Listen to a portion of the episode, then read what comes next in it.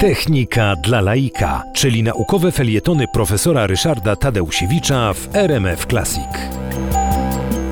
Opowiadałem Państwu w poprzednim spotkaniu o modelowaniu pracy serca i w ogóle o właściwościach praca, pracy serca. My, jako biocybernetycy, modelujemy chętnie pracę serca, bo to ważny narząd, i modelujemy krążenie krwi, dlatego że y, to krążenie krwi jest y, kluczem do tego, jakie prace, jakie działania, jakie wysiłki może podjąć y, jakieś, no, jakiś organizm, w szczególności człowiek, ale może to dotyczyć również zwierząt. Żeby zamodelować E, pracę serca dokładnie, trzeba by było bardzo dużo, bardzo skomplikowanej matematyki. Natomiast e, bardzo proste obliczenia pozwalają na wyciąganie bardzo trafnych wniosków. Okazuje się, że siła wytwarzana przez serce w wyniku e, kurczenia się komór serca jest równoważona przez ciśnienie krwi w naczyniach. Żeby serce i cały układ naczyniowy pracowały w równowadze, to podczas każdego uderzenia serca wielkość siły wytłaczającej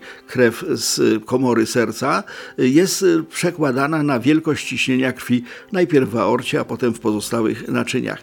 To się daje bardzo ładnie matematycznie opisać i zbilansować. Wobec tego możemy spróbować wyciągać jakieś wnioski na temat tego, jak praca serca zależy od rozmiarów ciała, w szczególności rozmiarów ciała przykład małych i dużych zwierząt. I okazuje się, że ponieważ te siły wytwarzane przez komorę serca i przez układ krążenia e, mają się równoważyć, to wniosek jest e, bardzo zaskakujący. Mianowicie ciśnienie krwi zupełnie nie zależy od rozmiarów.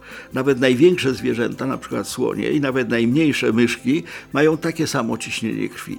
Natomiast różni się, różni się tętno, ale o tętnie opowiem Państwu za tydzień.